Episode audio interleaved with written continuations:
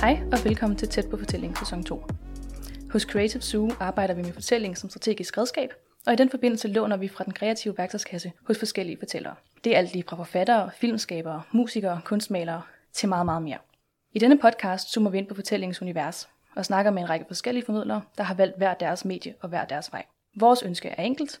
Vi vil inspirere, uddanne og underholde dig, så du bliver en bedre fortæller. Og når ja, så vil vi naturligvis også gerne tilfredsstille vores egen nysgerrighed.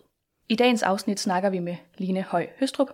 Line er først og fremmest uddannet grafisk storyteller fra The Animation Workshop i Viborg, men hun har et samsurium af arbejdstitler som tegneserietegner, illustrator, manuskriptforfatter, underviser og ikke mindst selvstændig.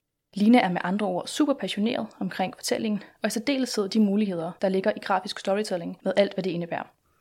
Mit navn er Julie Krab Møller, og det er min gode kollega Martin Rask, der i denne episode sætter sig ned og tager en snak med Line omkring kunsten at kommunikere i tegneserier.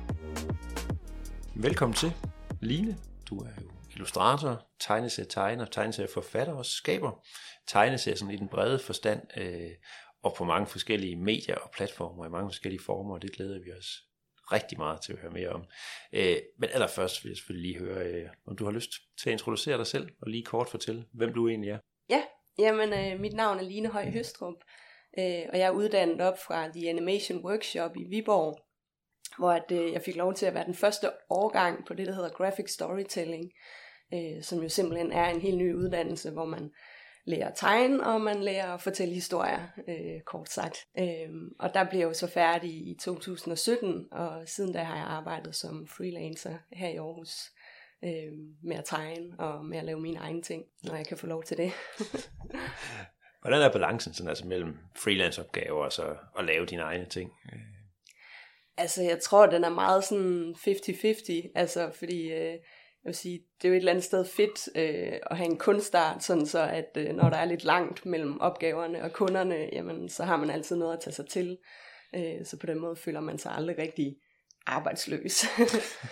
Ej, der er altid noget at se til. Ja. Øh, Den kan jo også næsten gå den anden vej nogle gange, at man, man kan savne tiden til det der projekt, man lige selv var grebet af selv. øh. ja, ja, virkelig i høj grad. Øh, men så begynder man at kunne se på bankkontoen, at Nå, nu må jeg hellere bruge lidt energi på det andet, og så, så synes jeg egentlig, det er meget nemt at finde balancen.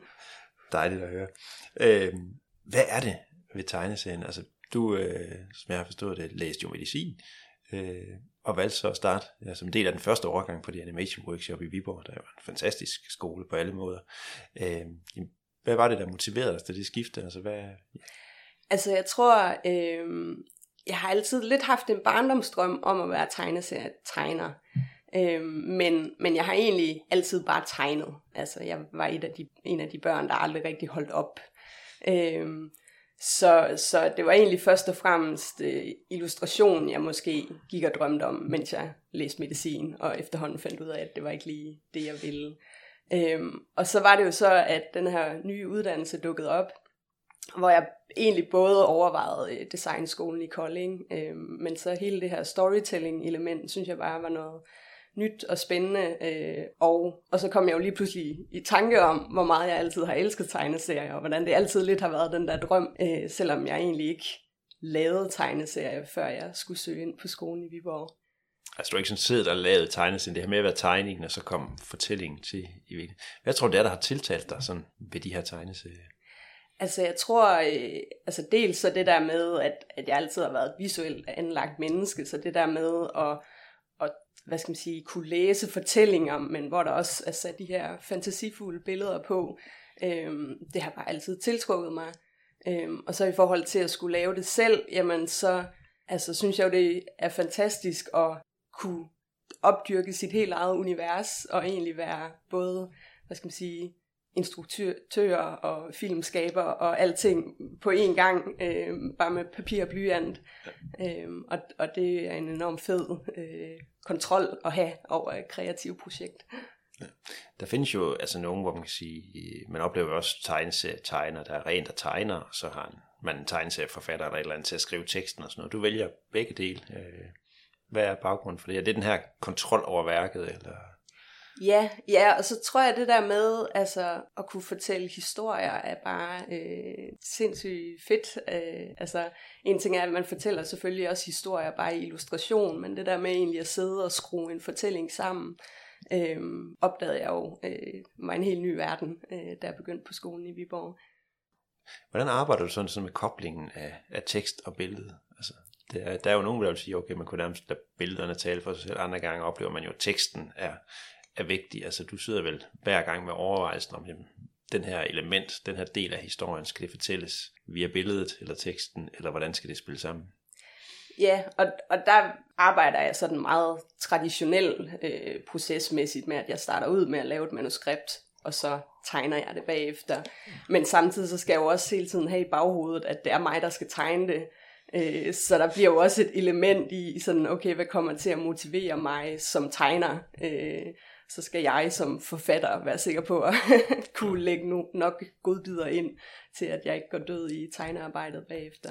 Så du starter sådan set med historien, eller hvordan? Altså, ja, ja. Jamen, det gør jeg nemlig. Og så samtidig prøver jeg egentlig også at arbejde øh, meget tidligt med nogle, hvad skal man sige, nogle visuelle metaforer, øh, som jeg kan bygge ind i historien, fordi at jeg ved, at det visuelle også skal bære meget af det. Ja. Øh, så for eksempel i min første øh, tegneserie, som blev udgivet for i år, det rette element, jamen der havde jeg ligesom det her øh, den her metafor med et, et gammelt faldefærdigt hus, som lidt blev billedet på den her sygdom, som kvinden Ellen i, hoved, øh, i historien skal kæmpe med. Øhm, så at de to ligesom følges ad, og det bliver meget sådan billedlig øh, metafor, men som jeg jo så netop forsøger at skrive ind, øh, når jeg bare sidder med manuskriptet. Sindssygt spændende. Netop det rette element, øh, som du i øvrigt også øh, fik pengeprisen for, årets debutant. Øh, tillykke på bagkant. Det er super flot. Øh, og for dem, der ikke ved det, så er pengeprisen nok Danmarks førende tegneseriepris. Det er i hvert fald en af dem, der virkelig tæller herhjemme. Øh, men det er jo også en tegneserie, der handler om et, øh, et hårdt emne. Altså, som du siger, det er, det er ALS. Det er en sygdom, en af de værste næsten, kunne man forestille sig at få. Øh, og måske er der jo mange, som tænker tegneserier som et let medie, det er underholdning osv. Men her er det jo øh, nærmest det modsatte. Hvad var sådan din baggrund for at vælge det emne? Øhm, jamen dels så tror jeg, altså selvfølgelig var der noget i min baggrund i forhold til, at jeg har læst medicin, øhm, og hvor jeg synes, det var interessant at arbejde med sygdom, og hvad gør det ved os, og hvad gør det ved vores selvopfattelse, øh, når vi får, bliver diagnostiseret med noget, der er så alvorligt. Øhm, men samtidig så var det også, fordi jeg meget tidligt øh, var sådan lidt tiltrukket af, af fantasielementerne i historien. Altså jeg kan rigtig godt lide, at tegneserier netop udnytter, at man kan tegne alt, hvad fantasien overhovedet tillader. Øhm, så der var ligesom også et, altså sådan nogle, nogle drømmescenarier og et, et sådan lidt mere abstrakt parallel fortælling i historien, som jeg bare vidste ville være super sjov at tegne. den er altid godt at have med, altså, når det er sjovt at tegne. Sjovt.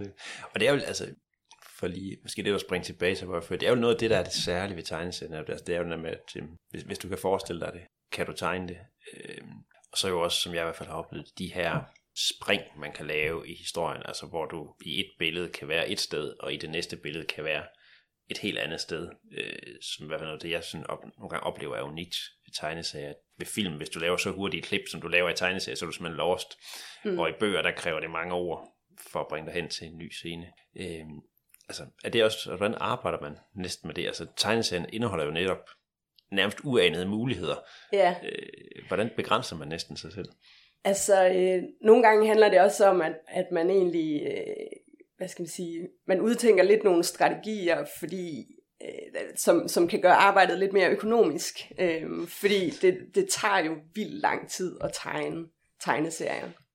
Øhm, og det er også der, hvor at, at jeg kan være lidt splittet i min forfatter-tegnerolle, fordi at tegnen tager bare tre gange så lang tid, som det er at skrive historien. Ja. Øhm, så det er der, hvor at, at for mig for eksempel i denne her fortælling, jeg virkelig bevidst arbejdede med de her sådan lidt fragmenterede scener, øhm, fordi at jeg ligesom kunne spare de der overgange, ja. man ellers ville tænke, man havde brug for. Ja. Tænker du der sådan der også, øh, altså netop når du sidder med begge roller, så sidder du også med overvejelser hver gang. Altså selvfølgelig er der noget økonomisering, men også i, fortæller jeg den her del af historien stærkest med billedet eller med teksten? Altså det, øh, laver du om, altså sådan set i, altså er der nogle ting, hvor du siger, okay, nu har, der er noget her, som en person fortæller i noget tekst, det bør egentlig være noget visuelt, eller et eller andet, altså, man bliver jo også ændre lidt retning undervejs. Ja, det gør man jo helt sikkert, og, og det er også der, hvor at når jeg altså sidder med manuskriptet, så er der egentlig på et tidspunkt, hvor jeg ligesom bliver nødt til at slippe manuskriptet og gå over til at arbejde med skitser. Øhm, fordi man, man kan aldrig helt færdiggøre det, uden at man også lige begynder at sætte nogle billeder på, og begynder at tænke ind, hvordan øh, en side skal se ud. Ja. Altså din arbejdsproces går sådan lidt frem og tilbage også. Mellem, ja, ja, lige præcis. Øhm, og nogle gange, så synes jeg i virkeligheden, altså øh, det her med manuskript og thumbnails, eller storyboard, øh, som man kalder det, ja. altså det er jo den absolut hårdeste del af processen.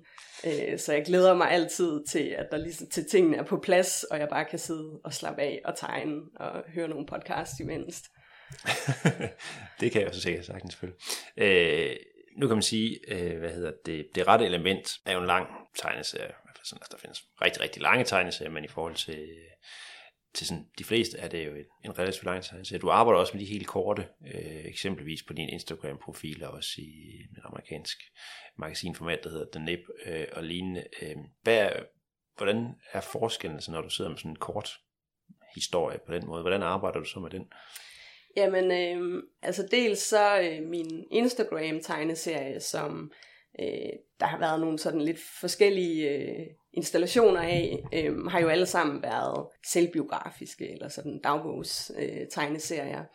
Øh, og dem begyndte jeg egentlig at arbejde med, fordi at, at efter jeg havde færdiggjort det rette element, som jeg jo egentlig lavede som et bachelorprojekt øh, i min uddannelse i Viborg, altså, så kunne jeg godt mærke, at den fordybelse, det krævede at skabe sådan en lang fortælling, altså den ville jeg ikke nødvendigvis lige kunne finde, samtidig med, at jeg skulle finde ud af mit job som freelancer. Øh, så jeg prøvede ligesom at finde et format, jeg lidt bedre kunne køre på sidelinjen. Øh, og samtidig så følte jeg også, at jeg skulle øh, have mere øvelse som forfatter, altså fordi som sagt, det er ligesom det område, hvor jeg stadigvæk kan føle mig lidt grøn i forhold til, hvor lang tid jeg har tegnet. Ja. Øhm, så jeg vil virkelig gerne have noget, hvor jeg egentlig tvang mig selv til at sidde og skrive små historier hver dag. Ja. Øh, og så var det jo så, at altså, dagbogsformatet var utrolig nemt at gå til, fordi så har man altid noget materiale at tage fat i, øh, og en vis motivation for at sidde og pille sig i navnen. øhm, så det var egentlig der, hvad skal man sige, det projekt kom i stand, øh, og som jeg jo så stadigvæk kører, fordi at det er en ret effektiv måde at, at arbejde med storytelling i en travl hverdag. Ja. Hvilke krav stiller det, når man så skal ned og være sådan helt ultra kort i historien? Jamen, øh, altså det bliver jo en helt anden fortællestruktur, øh, og man arbejder jo meget mere øh, med nogle gode punchlines, øh, eller nogle altså, sjove tegninger, der ligesom kan slå streg over en eller anden pointe. Øh, så, så det er øh, helt klart en anden øh, måde at fortælle historier på.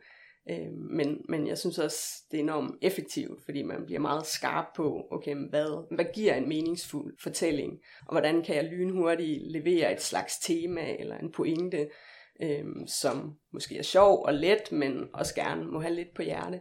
Ja. man bliver sådan altså meget, hvad skal man sige, økonomisk næsten i at sige, jamen, altså, ingen overflødige ord eller billeder, vel? Ja, ja lige præcis. Og, og det synes jeg i virkeligheden i det hele taget er en, øh, en ting, man bliver meget hård til som tegneserietegner, netop fordi, at selv når man arbejder med længere formater, er der altid en hård prioritet for, hvordan, hvordan kan man spare nogle billeder, og hvordan kan man fortælle tingene lidt hurtigere, så man ikke skal bruge alt for mange måneder øh, ved ja. skrivebordet. Øhm, og, og i forhold til Øh, altså jeg synes jo også, det er enormt spændende at arbejde med formidling. Altså det er jo så meget det, jeg gør som freelancer i højere grad. Altså der synes jeg, det er en virkelig god ting at have i bagagen, det der med at læse små, og at man, hvis man virkelig vil have, at folk husker øh, ens budskab, jamen så skal man egentlig gøre det så enkelt og så tydeligt som muligt. Ja, det er, jo, det er jo nærmest at man kan sige, det er historien, der er det vigtige, og ikke ens egen øh, eventuelt lyst til at tegne eller et eller andet. Det ja, ja, lige præcis. Og, og man skal hele tiden være skarp på, jamen, hvad er det, man vil med den her historie. Øh, det kan godt være, at jeg har lyst til at sidde og tegne alle mulige flotte ting, men det vigtigste er trods alt mit budskab. Ja. Øhm, sådan på de, altså også på din Instagram-profil, er det du også lavet, øh, har du sådan fra starten tænkt, at nu kom selvbiografi-formatet ind, øh, og der er sådan en, en tone, altså du har din egen stil, din egen øh, ja, tone of voice, kan man næsten sige, både visuelt og, og tekstmæssigt. Er det noget, du ligesom havde lagt fast på forhånd og sige, det er sådan her, jeg vil gøre det, eller er det noget, der sådan har udviklet sig øh, mere i takt med, at du har arbejdet med det? Altså, jeg tror altid, øh, jeg har haft, hvad skal man sige, en... Øh, jeg har altid været meget tilbøjelig til at lave komedie i virkeligheden, og det var måske også derfor, at jeg valgte sådan et hårdt tema for min første længere tegneserie, fordi jeg gerne ville udfordre mig selv i forhold til genre. Mm. Øhm, så jeg vil sige, det her sådan, øh, ja, komedie falder mig egentlig meget naturligt, og jeg tror netop, den her sådan, stemning, jeg fanger i min Instagram-tegneserie, den, øh, altså, det er selvfølgelig noget, jeg hele tiden bliver skarpere på, men, men jeg tror egentlig altid, jeg har haft den øh, vinkel, og, og nu hvor jeg begynder at udvikle min Instagram-tegneserie, måske også til at tage fat i nogle lidt dybere emner, nu er jeg jo i gang med at fortælle om min families øh, historie, øh, og der er jo engang nogle konflikter, øh, som der er i alle familier, øh, og det sjove er det der med, så snart jeg begynder at skrive om det i det her tegneserieformat, jamen så er det enormt let at grine lidt af tingene, og øh, vinkle det på en, altså vise folk det fjollede i situationen, øh, og det absurde i den måde, man er en familie på. Ja afspejler tegneserien der? Altså, det, er det en stil og en tone, der er tæt på, hvem du også er som person på den måde? Altså, det... Ja, jamen det tror jeg. Øh, jeg er ikke typen, der tager ting så tungt, og jeg er altid god til lidt at grine af det hele. Øhm, så på den måde synes jeg også, altså, så er der jo også noget enormt terapeutisk i at lave den her slags tegneserie. Fordi så snart man spotter det der storyteller-lys på noget, jamen så ser man nogle lidt andre vinkler af det. Bliver du ved med at kunne finde brændstof, kan man så sige, til historierne? Altså er det lidt, når først man har, har fået øje på, på vinklerne, bliver de så ved med at komme, eller bliver det hårdere og hårdere at finde? Nej, jeg synes faktisk, det bliver nemmere. Øh, men, men man kan sige, øh, altså, jeg er da også bevidst om, om, om man kommer til at være lidt rundt i det samme, altså fordi det der med, man, man kan blive ved med at opdage nye dybder i et bestemt tema, Øh, og forfattere har selvfølgelig også en tendens til at have nogle temaer i deres forfatterskab, øh, men samtidig skal man også måske være bevidst om, at om man har sagt nok om et emne. er det udtømt nu. Så. Øh, noget andet, du laver kort, er jo de her, hvor man kan sige, for eksempel for The Nip, og du har også lavet øh, andre former for tegneserier, kan man sige, hvor det, altså, The Nip er meget måske mere politisk kommenterende. Du har også lavet til den her øh, jubilæums hyldesbog, der kom til Valhalla-serien, noget med, med logo og så videre. Den, øh, hvordan arbejder du så sådan noget sådan en historie, hvor du bevæger dig over i helt andre emner? Altså er vi sådan over i noget politisk, men over i noget en hyldestegneserie. Hvordan, hvordan angriber du sådan nogle projekter? Ja, Jamen, øh, der sidder jeg bruger jeg rigtig mange timer på caféer rundt omkring, og, og prøver at finde ud af, hvad det er, jeg har at sige. Øhm, og, og det er jo også det, jeg synes er den største udfordring ved at skrive, øh, altså i det hele taget skrive nye historier. Øh, det er ligesom at finde ud af, hvad, hvad vil man gerne fortælle, altså fordi der er jo millioner af muligheder for øh, historier. Øhm, så jeg synes altid, det er svært at kaste mig over noget nyt og bestemme mig for, okay, men det er den her vinkel, øh, jeg synes er spændende. Øhm, og det er selvfølgelig også derfor, at der er noget enormt trygt i det der dagbogsformat, fordi så er der ligesom begrænsede muligheder. Øhm, men i forhold til tegneserierne for The Nip, jamen, øh, altså der har jeg jo netop også en interesse for formidling, altså, og jeg synes, det er enormt spændende, at altså, den måde tegneserier kan øh, altså, ja, kan formidle enormt tørre øh, eller tekniske emner øh, på en helt anden måde, end, end man vil gøre med tekst og fotos og lignende. Ja. Øhm, og, og det er jo en hel, øh, altså, det er jo en hel disciplin i sig selv, øh, som jeg synes er super spændende at arbejde med, men som også er meget tidskrævende i forhold til, at det kræver noget research, før man kan øh, lige forklare, hvordan hukommelsen fungerer, eller et eller andet andet emne. Ja, det, det der sådan udefra virker som sådan super simpel og, og enkel, og tænker, det er, det er dejligt nemt at forstå det der, og det kræver i virkeligheden øh, meget research, som du siger. Ja, ja. Men, men det er jo også noget af det, hvor jeg virkelig synes, tegneserier har en, et potentiale, som i virkeligheden ikke bliver udnyttet ordentligt. Altså fordi man kan sige, at vi lever i en super visuel tid, øh, og, og der er altså, billeder og film over det hele, øh, som tit kræver et større hold bag, øh, hvor en tegneserie, der kan der bare sidde en person og skrue et helt univers sammen. Øh, så, så der håber jeg da, at tegneserier eller sådan øh, info-narrativer øh, øh, bliver en større ting øh, i fremtiden. Det er virkelig interessant, fordi at man kan sige sådan noget som infografik har jo vundet gevaldigt frem netop i den der erkendelse af, at det visuelle har en, en stor værdi, øh, og der er på en eller anden måde er tegneserierne måske stadigvæk øh, forhåbentlig sådan ved, ved sit fødested i, i den der disciplin, hvor de ligesom måske mange år har været sat i en slags bås, men vi har haft de her satiretegninger, hvad man skal sige, i aviserne, øh, hvad hedder de her, Tunnel og lignende, som laver øh, den slags ting. Øh, og så har man haft de lange tegneserier. Tror du, der ligger noget i, i forhold til opfattelsen af seriøsiteten af mediet til grund for noget af det her? Ja, det, det tror jeg helt bestemt. Altså man kan sige, tegneserier har jo haft en enorm udvikling bare de sidste 30 år i forhold til måske at gå fra noget, der var mest for børn og drengerøve, øh, til i dag faktisk at være meget mere anerkendt som et finkulturelt medie. Og, øh, altså, det blev betydeligt lettere at få kunstlegater på baggrund af at være tegneserietegner. Ja. Øhm, så det, og man ser masser af anmeldelser i aviserne og sådan, så det er ligesom blevet mere anerkendt. Øhm, men måske sådan den praktiske funktion af tegneserier må, bliver måske stadigvæk set som lidt noget useriøst. Øhm, men jeg tror egentlig også, det hænger lidt sammen med den udvikling, vi ser storytelling øh, generelt går igennem, at jeg tror, at folk bliver mere og mere bevidste om, hvad det er, storytelling kan, øh, og at du ved, et emne bliver ikke nødvendigvis useriøst af, at man putter det ind i en fortælling. Øhm, og, og der tror jeg helt klart også, der er en ny trend, der bare bliver stærkere, og hvor jeg da også tror, at tegneserier ligesom kan finde en plads.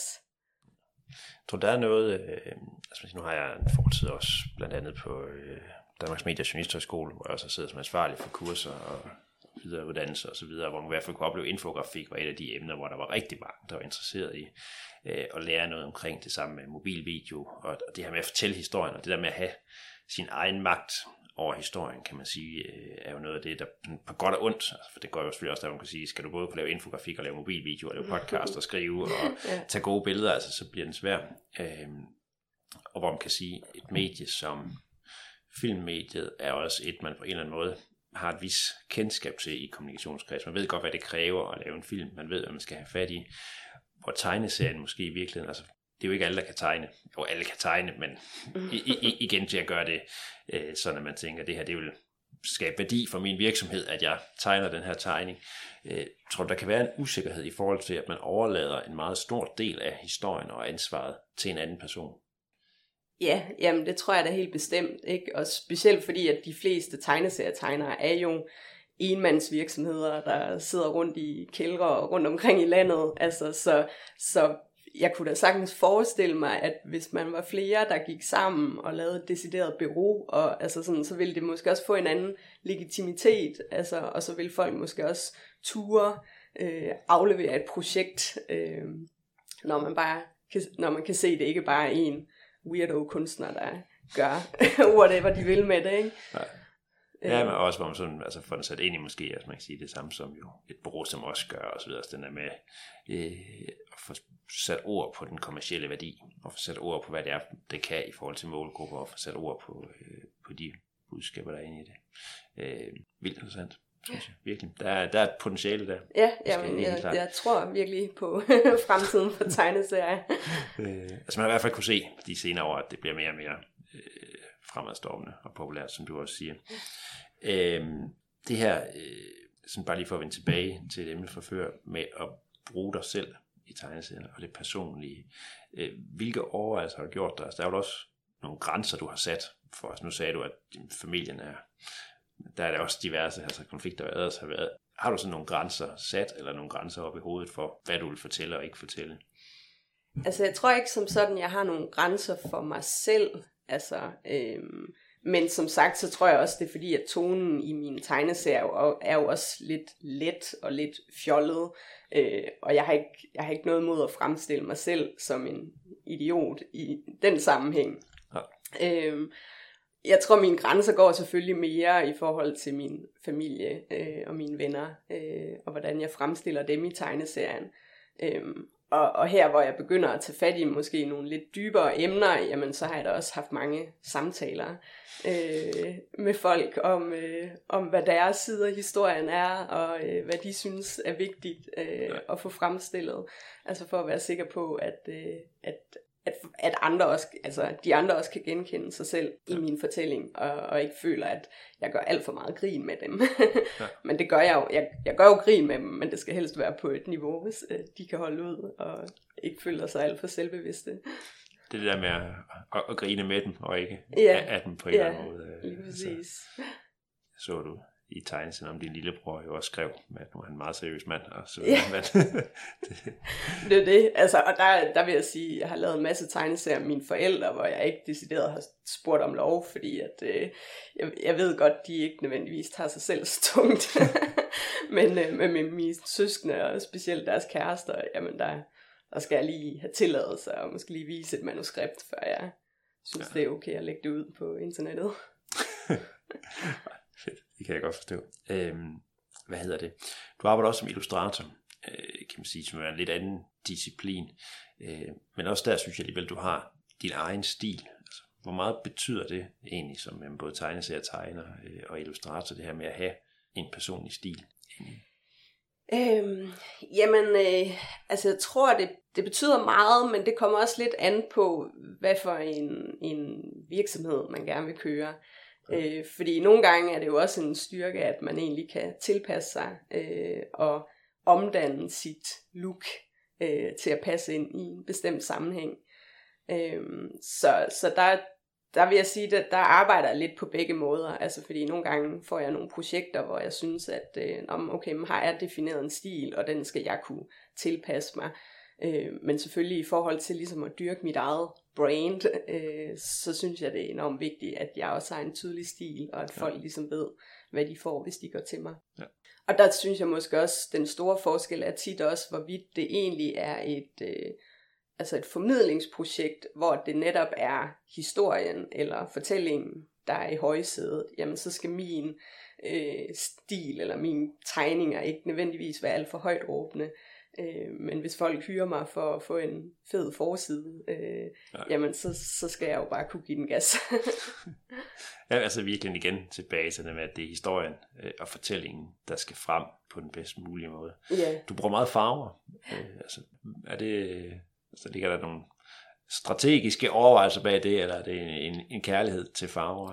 Ja, men det er bare en kærlighed til farver. Det, det må gerne være lidt højt råbende, og øh, være lidt skævt og lidt weird nogle gange.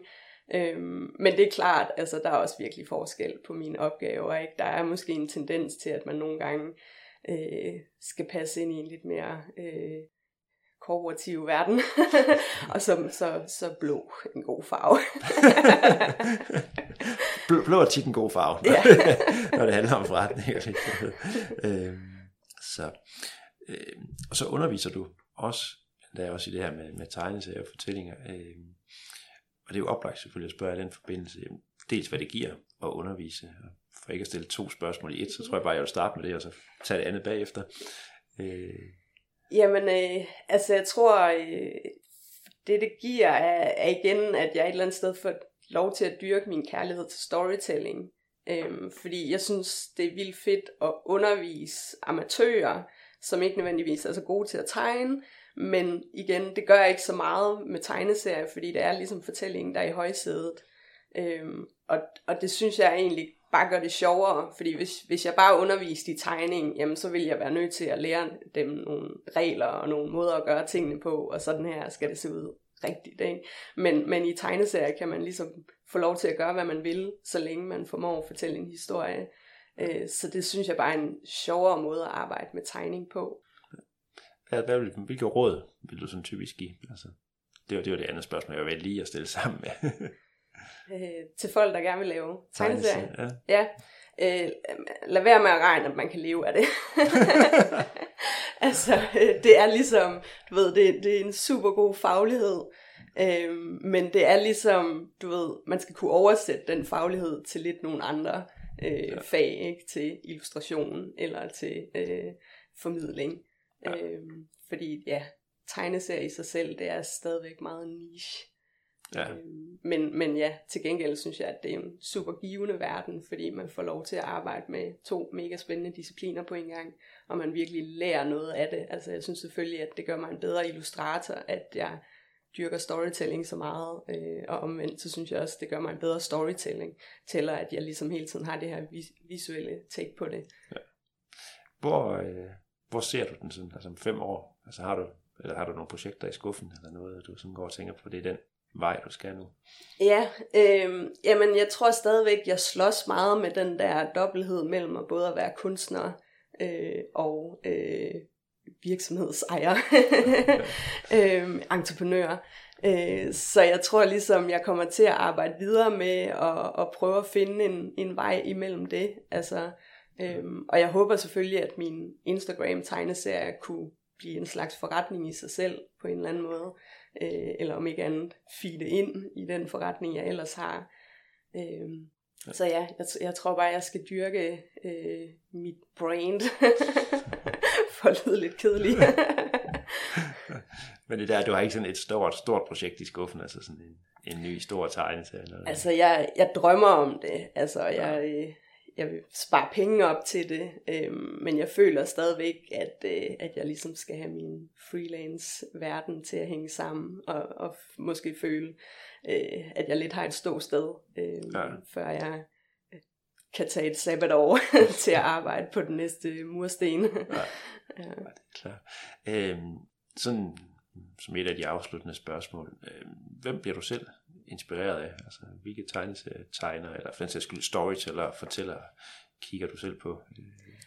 Altså, jeg tror i virkeligheden, jeg bliver meget inspireret af folk, der ikke, øh, hvad skal man sige, holder sig til et medie. Øh, jeg, jeg kan enormt godt lide at se altså, kunstnere øh, og freelancere, der kan oversætte deres, øh, deres faglighed fra et medie til noget andet. Øh, og, og Altså, jeg følger øh, sådan en som Mathilde Diekmann, som har en butik i København, og som laver keramik, og som laver tegninger, og som laver tegneserier, og vægmalerier, og altså, ja. øh, og omvendt, så synes jeg også, det er mega fedt, øh, andre, øh, måske lidt mere storyteller-agtige kunstnere, der både kan have en illustrationsvirksomhed, og også laver podcast, og også har en YouTube-kanal, og altså sådan noget. Øh, det synes jeg er mega inspirerende.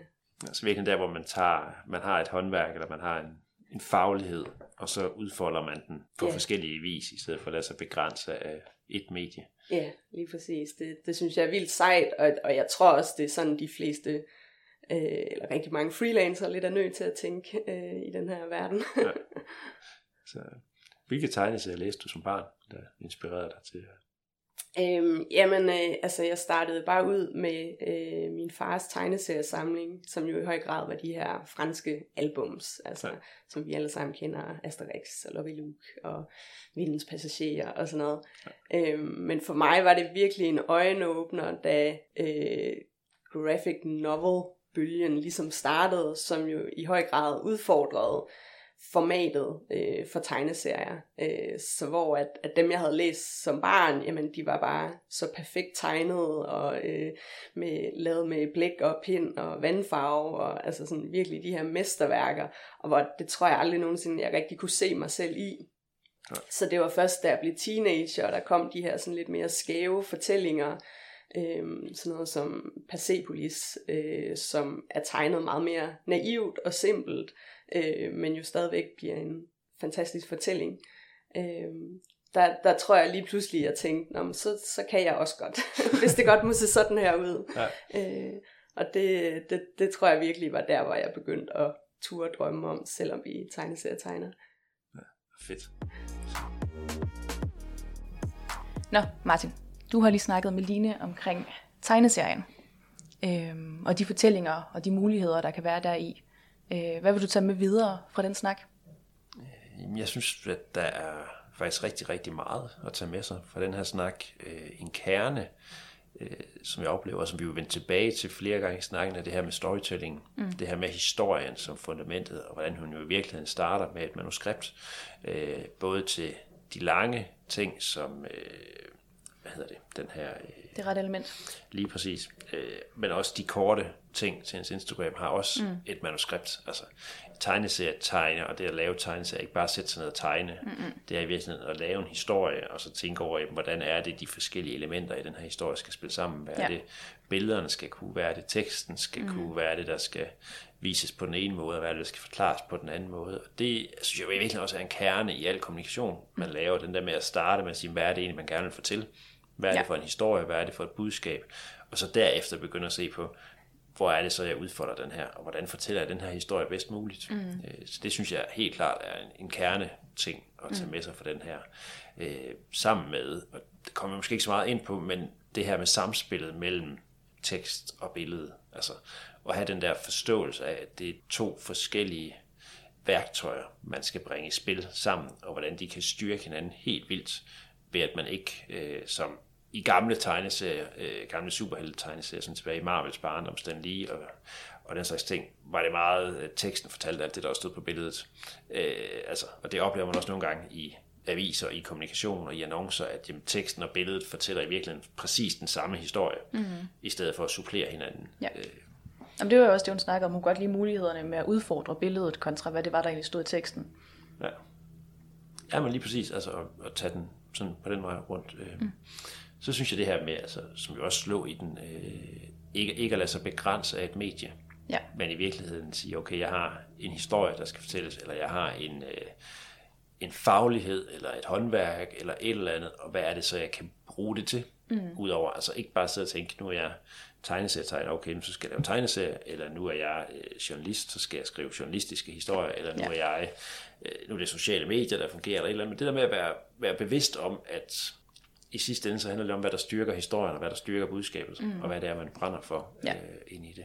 Jamen samtidig også bare det der med, i så, så fald også at kunne få lov til at udfordre sig selv, og derved lære noget om sig selv igennem den proces. For eksempel hvis man nu er genial til at tegne tegneserier, det var jo så der, hvor så hun jo så begyndt at, at arbejde også med nogle andre formater, for ligesom at, så blev hun bedre til det. Ja. Og lærte sådan lidt på kryds og tværs, og var jo også ja, illustrator og omtalte sig også selv som ja, forfatter, fordi hun ligesom formidlede, og så var hun også tegneserietegner, og så var hun jo også en form for filmskaber, fordi hun ligesom skulle skabe det her hele det her univers. Ja, ja, og så oven, i det er jo freelancer, altså mm. virk, virksomheds øh, Præcis, ja. ejer, der skal skabe en forretning, mm. øh, hvor det jo også var sådan der kombination af forretning og fornøjelse, ja. så at sige, med at finde den rigtige balance ind i det. Mm. Hvordan finder man det, der gør en lykkelig, hvis ja. man sådan skal helt op på, på de høje navler. øh, så synes jeg, der var noget, virkelig interessant, som måske mere sådan, man personligt kan tage med sig ind i arbejdet med kommunikation, mere end det sådan handler om, hvad man gør på virksomhedsniveau. Men det her med at udfordre sig selv. Mm. Øh, hun taler også om det der med, øh, altså nævner jo konkret, øh, at hun brugte bachelorprojektet ja. til at udfordre sig selv. Mm. Til at sige, jeg har måske som regel en humoristisk stil, hvordan kan jeg tage det væk? Hvordan ja. kan jeg lave noget, der er dybt seriøst? Altså, og på den måde blive ved med at afprøve ting, i stedet for at lade sig falde ned i noget. Mm. Øh, og det ligger jo også i det, hun siger i forhold til freelance-ting, med at have, det er godt at have sin egen stil. Det er godt at have noget, folk kender og ved, hvad er, så der er et klart billede af, hvem det er. Men det er også godt at kunne noget mere end det. Yeah. Det er godt at være klar på at bruge sin faglighed og trække den alle mulige forskellige steder hen. Øh, og det er måske der, hvor man kunne sige, hvis man så skulle komme med sådan det der råd til, hvad bør man gøre som kommunikatør, som person, den er med ikke at lade sig begrænse. Mm. Øh, at det kan godt være, at man i sit job eller et eller andet er begrænset til at arbejde med nogle medier, men så kan det være, at det er i sin fritid, man skal afsøge noget andet. Det kan være, at man skal lave tegneserier. Mm. Det kræver ikke nødvendigvis, at man kan tegne. Altså, det kræver, at man kan lave et manus og en historie. Ja, og kunne formidle. Altså, og, og kunne formidle det. Mm. Øh, det kan være, at man skulle arbejde med... Øh, der findes faktisk nogle fremragende, eksempelvis stop-motion apps, på en, man kan have på sin telefon, hvor man kan lave små stop-motion film selv. Mm. Altså det der med at afprøve mediet, øh, ja. og afprøve forskellige ting, og, og være nysgerrig på det, mm. tror jeg vil styrke en helt vildt. Jamen også fordi både at have sin egen stil, men også at kunne meget mere, er jo begge to faktorer, der spiller ind og styrker ens brand. Altså ja. at man ligesom kan begge dele. Ja. Men at man har en klar idé om, hvem man er sin, i sin egen identitet. Ja, også altså man kan sige, i forhold til noget, det er jo bruger en del tid på tekstforfatning og så videre, der er det jo også øh, vigtigt, at man ikke falder ind og så siger, jeg har min egen stil, som er præcis på den her måde. Mm. Altså, det er okay at være et eller andet, hvor man siger, okay, hvis det er den slags ting der, så er du 100 meter mester. Men du skal også kunne lave andre ting. Altså, Ja. Du skal jo kunne tale i det sprog og den tone, som en kunde eller en virksomhed har brug for. Øh, og du skal jo kunne gå helt fra at sige, okay, nu skal vi op på de høje navler, nu skal vi op på ølkassen, og vi skal have alle folk med os, til at sige, jamen, måske skal der bare stå udgang hen over døren, hvor der skal ud på, og ikke et eller andet poetisk. Altså, Ja. måske er det bare straightforward budskab, du skal levere nogle gange. Og det der med at, at mestre og vide, hvornår man skal bruge en stil, og når man skal gøre tingene, og hvornår man skal smide ekstremt meget farver på, og hvad det kan give, og farve himlen grøn, og mm. gøre det der, er jo også sindssygt vigtigt at have med. Ja, Øh, og når der ikke skal være farver. Ja. Præcis, altså mm. hvornår skal det bare stå helt enkelt. Ja. Øh, altså, men som hun sagde, hun kan godt lide at udfordre folks opfattelse af, hvordan tingene skal være nogle gange, mm. og det er jo også et greb, der er altid godt at have med. Mm. Altså, hvis man kigger på andre ting, og det her det virker måske lidt for fersk, måske lidt for poleret, øh, så kan det være, at I skal gøre farven på jer himlen på billedet grøn, mm. eller et, et eller andet andet. Der, der, ja, et, et eller andet, der lige trigger øh, folks, altså. Ja. Hvordan får man folk til at tænke, mm. så det ikke bliver for pænt og poleret det Ja. hele. Det er i hvert fald øh, fedt. Øh, og så respekt for at tage, altså, nu skal sige en afsluttende replik omkring linje, så respekt for at tage så tungt et emne op, mm. som ALS er i Ja. et bachelorprojekt, for det er ved Gud et, et tungt emne og mm. et, et hårdt emne, øh, og noget, som folk ikke nødvendigvis forbinder med tegneserier. Nej, fordi jo man nok- kunne jo komme til at tro, at hun ville altså, tage pis på det hele og, og gøre sjov med det, fordi man ligesom har en idé om, at tegneserien er humoristisk medie. Jamen lige præcis, folk mm. har den der opfattelse af, at tegneserier det er noget sjovt. Ja. Øh, jamen for os jo den snak, vi havde omkring øh, brugen af tegneserier i corporate henseende, at der nok desværre stadigvæk er en tendens til, at man tænker, at tegneserier de skal være sjove. Så hvis man bruger tegneserier til at formidle et eller andet, så skal det være fint at have et ironisk twist, hvor mm. det jo i virkeligheden kan rigtig meget af det, eksempelvis infografik og lignende mm. kan, og vi har jo set faktisk fremragende eksempler i Danmark, øh, også sådan tilbage, man kan bare se på noget af Claus de Laurents arbejde med Danmarks historie og lignende, som jo formidler historier og fortællinger på en helt, helt anden måde, end hvis du tager ja. Erik Kjærsgaards Danmark historie, eller et, et, et eller andet andet op, så, mm. Så bliver det ikke helt en afslutning før. Lige. Så det, det, det, kan være, at vi skal tage den nu i stedet for. Og egentlig bare opfordre til, at man selvfølgelig går ind og, øh, og tjekker Lines hjemmeside. Der er- ligger gode eksempler derinde, følger hende på Instagram. Så får man i hvert fald et grin en gang imellem, det er helt sikkert. Øh, mm. Og hvis man skal være rigtig, rigtig flink, så går man selvfølgelig også ind og køber bogen. Øh, Ja. Det kan bestemt betale sig.